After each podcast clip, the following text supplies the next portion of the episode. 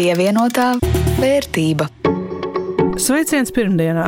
Ētrā raidījums pievienotā vērtība ar to studijā Jānis Ramāns no Latvijas radio un Rudīts Pakolska no Latvijas televīzijas. Šodien par to, vai pašvaldībām ir jānodarbojas ar uzņēmēju darbību, kurās nozarēs uzņēmējus tas nokaitinājis visvairāk, nu un, protams, arī pajautāja, kādēļ tas nav labākais risinājums, pat ja cenas šķiet zemākas. Bet vispirms, kas notiek pasaulē un Latvijā? Pievienotā vērtība. Ekonomika sāk rukt. Latvijas iekšzemes koprodukts gada trešajā ceturksnī ir par 0,6% mazāks nekā pirms gada. Tā liecina Centrālās statistikas pārvaldes ātrais novērtējums. Triks gan ir tajā, ka dēļ augstās inflācijas, kur joprojām turas virs 20%, tīri eiro izteiksmē Latvijas ekonomika turpina strauji augt, tādēļ negatīvās tendences vēl nav jūtamas. Diemžēl tas tikai pagaidām. Ar arvien nopietnāku seju Komercbanka ekonomisti saka, ka turpmākais gads būs sarežģīts. No tālākas ekonomikas lejupslīdes ziemas mēnešos būs grūti, nu, ja ne pat neiespējami izvairīties. Latvija nav vientuļa sala. Ekonomikas bremzēšanās pazīmes redzamas arī citvietā Eiropā, un tas nozīmē, ka mūsu ražojošajiem, eksportējošajiem uzņēmumiem būs grūtāk savus preces pārdot. Bankas citadela ekonomists Mārtiņš Aboliņš teica, būtiskākais Latvijai un mūsu reģionam šajā laikā ir parūpēties par energoresursu cenām. Savā ziņā nav pats svarīgi, vai tās ir augstas vai zemes. Pats būtiskākais ir tas, lai pie mums tās nav augstākas kā citās valstīs. Ja mūsu cenas būs augstākas, tad mūsu konkurētspēja un spēja pārdzīvot krīzi ilgtermiņā tiks pamatīgi iedragāta. Par energokrīzi runājot, pēdējos pāris mēnešos energoresursu cenas Eiropā sāk doties lejup, un nu jau visai droši var teikt, ka dabasgāzes deficīts šodien Eiropai visticamāk nedraud. Par to liecina straujais dabasgāzes cenu kritums aizvadītajā nedēļā. Pie 108 eiro par megawatu stundu tas ir vairāk kā trīs reizes mazāk nekā, piemēram, augustā, kad viena megawatu stunda maksāja 340 eiro. Izveidojusies savā ziņā paradoxāla situācija. Eiropas ostās tagad ienāk kuģi ar pavasarī pasūtīto sašķidrināto gāzi, un tiem nākas gaidīt rindās un uz iespēju gāzi iesūknēt krātuvēs, jo vienkārši šobrīd tajās nav vietas. Pēc Eiropas aprēķiniem gāzes krātuves ir piepildītas līdz 94%. Lai pārziemotu, pietiktu ar 80%. Te, nu, protams, varam kopā ar Igauniem pakost sev pirkstos, ka nevienam no mums joprojām nav funkcija funkcionējoši sašķidrinātās gāzes termināļi, ar kuru tagad varētu pieņemt nu, salīdzinoši lētu gāzi. Šai ziemai Eiropai pietiks, tas ir skaidrs, bet tālākā nākotnē viss nav tik rožaini. Jāatceras, ka šajā gāzes uzpildes sezonā par sašķidrināto gāzi praktiski nekonkurēja Ķīna savu covid ierobežojumu dēļ. Kad tā iesaistīsies atklātajā tirgū, iespējams, atkal maksāsim dārgi. Nav viegli būt uzņēmējam, vai ne? nu, gan jautājums. Protams, šobrīd izmaksu kāpums nav skaidrs, kas notiks ar patērētājiem eksporta tirgiem. Arī kredīta procenti iet augšu. Un arī konkurence par katru eiro, ko klienti ir gatavi tērēt, kļūst ar vien asāka. Tieši par konkurenci un konkurenci ar pašvaldībām pirms pāris dienām uzņēmēji diskutēja konferencē. Tur prezentēja pētījumu, kuras secinājums īsi var izteikt tā. Likumi nelīdz galam labi regulē, ko var un ko nevar uzņēmēji darbībā pašvaldības darīt, bet nu gadījumā, ja nu tām rociņa paslīdējusi, trūkst efektīvu piespiedu mēru, kā situāciju labot. Nu, tātad nevar pašvaldībām viegli un ātri likt likvidēt to uzņēmumus, pārdot kapitāla daļas vai pārtraukt sniegt pakalpojumus. Piemēru šādai uzņēmēju prāt negodīgai konkurencei netrūka. Mums tieši bija tāds gadījums, kur kultūras centrs, jeb nams, taisīs koncertu Māksliniekam, kuram ir liels honorārs, ieejas biļete tur 5 eiro. Privātais saka, nu kā lai es taisītu, tur ieejas biļetē jābūt vismaz 30 eiro. Viņš tiek izslēgts automātiski, ja, tur, lai uzbūvētu skatu. Un tas arī, kas ir faktiski vēl viena tāda, es pat teiktu, tāda slēpta forma, nu, tādai konkurences skropļošanai. Tā Ārnis Vērzemnieks no Latvijas Tirzniecības un Rūpniecības kameras konkurences neutralitātes komitejas. Arī viņa paša nozarē apsardzē, viņa prāt ir konkurences nepilnības. Te gan no valsts uzņēmuma Latvijas dzelzceļš un tā meitas uzņēmuma LZ apsardze puses. Mēs pat varētu nu, pieņemt, ka Latvijas dzelzceļam, kā nu, strateģiskam valsts uzņēmumam, ir nepieciešams savs meitas uzņēmums, kas nodrošina apsardzes pakalpojumus kur nu, kā, nu, citi kaut kāda iemesla dēļ nevar to piesim, privātie sniegt šo pakalpojumu, jo tur nu, kaut kādas varbūt ir nianses. Tad tā problēma ir tajā, kad šī valsts kapitāla sabiedrība sāk piedalīties publiskajos iepirkumos. Un tad rodas tas jautājums, kāpēc ja? mums, spēsim, privātiem nav iespējams piedalīties publiskā iepirkumā, lai sniegtu Latvijas dzelzceļam šo pakalpojumu. Savukārt dzelzceļa meitas uzņēmums piedalās publiskos iepirkumos, jebkur citur, kur konkurence ir milzīga. Daudz domstarpību par konkurences godīgumu ir tieši veselības aprūpē. Tur pašvaldības uzņēmumi bieži vien piedāvā lētākas cenas vai arī pēc uzņēmēju domām bauda nepamatotas priekšrocības. Ināra Petersona veselības aprūpas darba devēja asociācijas izpildirektora stāsta par kādu nu nepavisam nejaunu gadījumu. Tad Rīgas pašvaldība ir nodevusi pirmajai slimnīcai bezatlīdzībā visu infrastruktūru. Visi mēs zinām, pie Dēls teātra pirmā slimnīca ir. Nu, sakiet, tā ir godīga konkurence. Ja paskatāmies cenās, viņiem ir stipri līdzīgi tā, tāpat kā mums kā privātajiem ir pakalpojumu cenā bet viņiem visa infrastruktūra ir nodota bezatlīdzībā. Jā, viņi maksā komunālos pakalpojumus, bet mums tajā pašā laikā tā infrastruktūra ir jāuzbūvē, jāuztur, jārenovē un jāsko līdzi. Ja paklausās atbildīgo iestāžu teikto, tad vēlns iespējams nav nemaz tik melns, kā to mālē. Nu, vismaz par to, ka nekādu iespēju ietekmēt pašvaldības, kas negodīgi tiecas izspiest uzņēmējus no tirgus, nu, tā nu gluži nesot. Edgars Kurčāgens valsts kontrolas padomas loceklis atklāja, lai gan nevienmēr rezultāti tomēr ir. Un tajos gadījumos, kad mēs esam konstatējuši, ka nav pamata pašvaldībai vai nu būt iesaistītai konkrētā kapitāla sabiedrībā vai sniegt tādus vai citādus maksas pakalpojumus, mēs, protams, esam snieguši pašvaldībām ieteikumus pārvērtēt un izbeigt šādu iesaistīšanos un līdzdalību. Jāsaka, ir gājis dažādi ar ieteikumu ieviešanu. Ir bijis tiešām tādi gadījumi, kad uh, mēs līdzīgi kā citas institūcijas, kā arī citi runātāji šeit pauda, būtu gribējuši, ja būtu kāds piespiedu mehānisms, ar kuru daudz efektīvāk varētu piespiest gadījumā, kad ir acīm redzams likuma pārkāpums pašvaldības vai jebkura cita publiska persona, tātad izbeigt šo savu darbību. Nu, tāds hrestomātisks piemērs mums ir, kur ir gadījums ar Rīgas pilsētas pašvaldību, Rīgas mežu, kur pagāja vairāk kā pieci gadi, līdz pašvaldība pieņēma lēmumu atbilstoši mūsu ieteikumam izbeigt līdzdalību. Bet ko par situāciju saka konkurences padomu? Parunāties, sabārt, ja neņem vērā, tālāk aiziet eh, sankcijas attiecīgi. Nu, kas nav pārāk patīkams. Bet šajā stadijā visas pašvaldības, ko mēs esam tādā veidā uzrunājuši, ir piekāpušās un mainījušas savu praksi.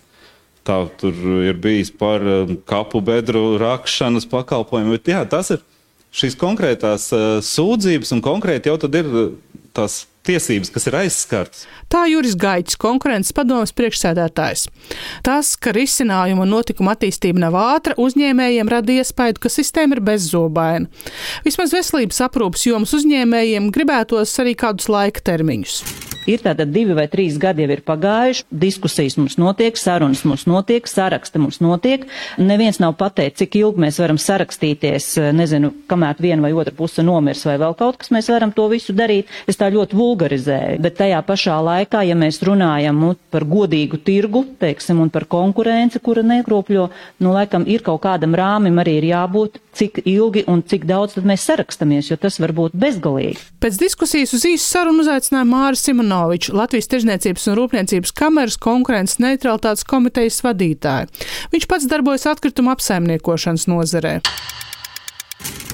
Bet vai šī problēma kaut kādās specifiskās nozarēs, nu, jo to, ko mēs redzējām, bija veselības aprūpe, atkritumi, drošība, kas tā nu arī parasti tas pirmās, kas nāk, ja tas ir vispārēja problēma? Nu, redz, es domāju, ir tā, ka ir kaut kādi lielie pakalpojuma grozi, kā piemēram atkritumi, kā piemēram veselības aprūpe, ja, kuros vienkārši e, šī te e, pašvaldība darbība traucē normālu konkurenci un normālu pakalpojumu attīstību. Un tas e, gala rezultāts ir tam, ka cilvēki maksā par nekvalitīvu pakalpojumu, viņi spiest stāvēt rindās, piemēram, pašvaldības veselības iestādēs.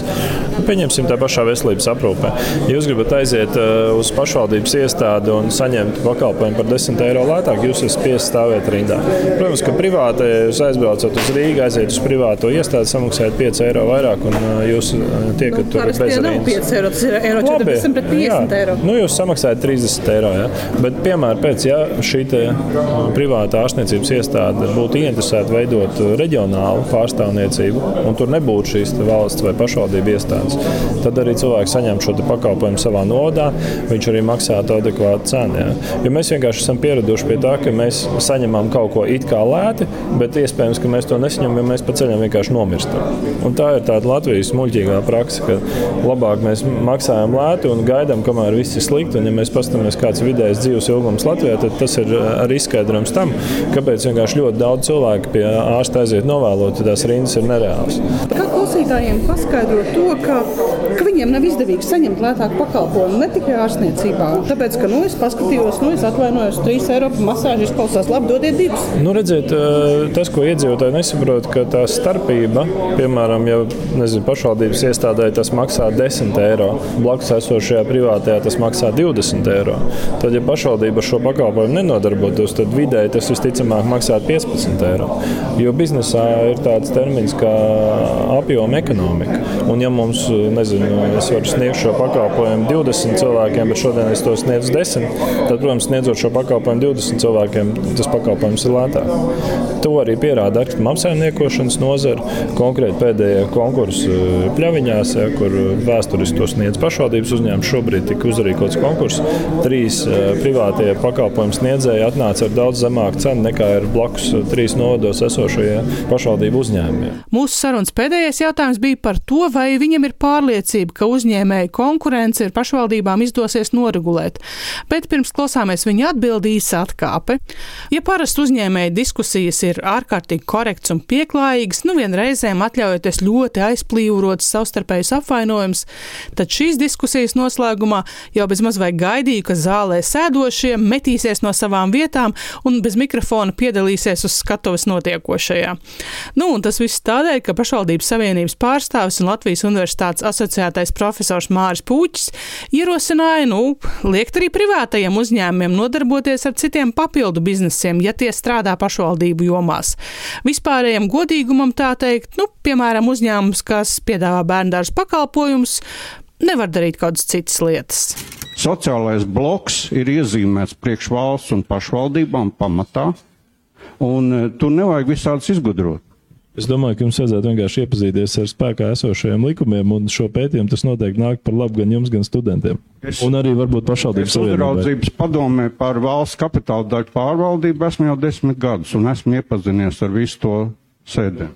Mm. Nu tad pēc šī arī tad uzņēmēju skatījums uz nākotni konkurencē ar pašvaldībām. Nu, jāsaka tā, pašvaldību savienības pārstāvju piedāvājums privātajiem uzņēmējiem aiziet no bērnu dārza tirgus, jo to nodrošina pašvaldība. Manuprāt, nu, precīzi raksturo šo pašvaldību izpratni par to, kāda ir pašvaldību funkcija, ka labāk sniegt kaut kādu sačakarētu pakalpojumu, maksāt mazas algas, ja nekā, teiksim, ļaut ar to nodarboties privātajām labā kvalitātē. Jo tad man ir ļoti vienkārši jautājums pašvaldībām. Ja jūsu oficiāls pārstāvs ierosina privātajiem aiziet no bērnu dārzu, privāto bērnu dārzu jomas, tad kāpēc iedzīvotāji izvēlās maksāt dārgāk un iet uz privātu bērnu dārzu, nevis uh, iet lētē? Protams, tas ir tieši tas, par ko mēs runājam, ja, ka pašvaldība nespēja realizēt šo funkciju. Un, uh, tā vietā, apjomā, nu, ja, un vēl tā vietā, lai Eh, saka, priecātos, ka ir uzņēmēji, kas to risina, pašvaldību vadības padomnieks, profesors un sazinu vēl, kas publiski piedāvā privātajiem nenodarboties ar bērndārzu biznesu. Ja. Nu, tas precīzi raksturo to, kur mēs esam šajā diskusijā. Pašvaldības vienkārši grib uzturēt kaut kādu problēmu jomu, nevis pateikt, šī joma privātie spēja to risināt. Un, es personīgi nezinu nevienu privāto bērndārzu, kurš būtu teiksim, kaut kādās problēmās. Visi viņi plaukst un zeļ ceļā. Jāsaka, ka ne Māris Simonovičs teiktais, ko dzirdējām tik tikko, ne pašvaldības savienības pārstāvi teiktais lielu optimismu par šīs, nu jau krietni sasāpējušās problēmas risinājumu nerada pievienotā vērtība. Baltijas biržā aizvadītā nedēļa man negribas atkal to teikt, bet jāsaka, ir kaimiņiem vedies labāk nekā mums. Jā, Rīgā neliels kritums - 0,19% mīnusā, bet lietuviešiem pusprocents plusā, Igauniem 0,77% klāt. Arī tirgotāko uzņēmumu top 3 tikai kaimiņi vien. Tas gan jau tradicionāli. Pirmajā vietā Enefit Green tirzniecības apjoms 3,3 miljonu eiro, akcijām 2,11 15% cenas kāpums. Otrajā Ignitis grupa no Lietuvas 0,9 miljonu eiro apgrozījums cenai neliels 0,33% kāpums, bet trešajā vietā Tallinn grupa 0,8 miljonu eiro akciju apgrozījums cena augus par 1,73%. Jāni, man šķiet, Tallinn bija arī tavā portfelī. Kā tev klājies šonadēļ? Jā, aizdītā nedēļa ir labi atbilstoši tirgus tendencēm. Pāris eiro ir nākuši klāt, bet turpat ap nepilniem 410 eiro kopējā vērtība vien portfelim grozās. Bet, nu, Tallink kāpums gan ir vājš mierinājums, jo kopš iegādes brīža, pirmajā pandēmijas ziemā, Tallinks ir kļuvis par ceturdaļu nevērtīgāks. Te ir mīnus 25% mīnusā šobrīd. Kā tev pirms ekonomiski bargāza ziemas? Nu, mana portfeļa vērtībai vesels eiro klāt. 397 eiro un 21 cents. Nu, tas no sākotnēji ieguldītajiem 300 eiro. Ar to arī izskan oktobra pēdējais raidījums pievienotā vērtība. To jums veidoja Rudīts Pakausks no Latvijas televīzijas, Jānis Ramāns no Latvijas radio. Par skaņu rūpējās Renāša Steimanis. Uz tikšanos nākamdēļ, bet atgādināšu šo un citus pievienotās vērtības raidījumus var noklausīties arī Latvijas radio arhīvā, jūsu iecienītākajās raidierakstu vietnēs un arī Latvijas radio mobilajā lietotnē.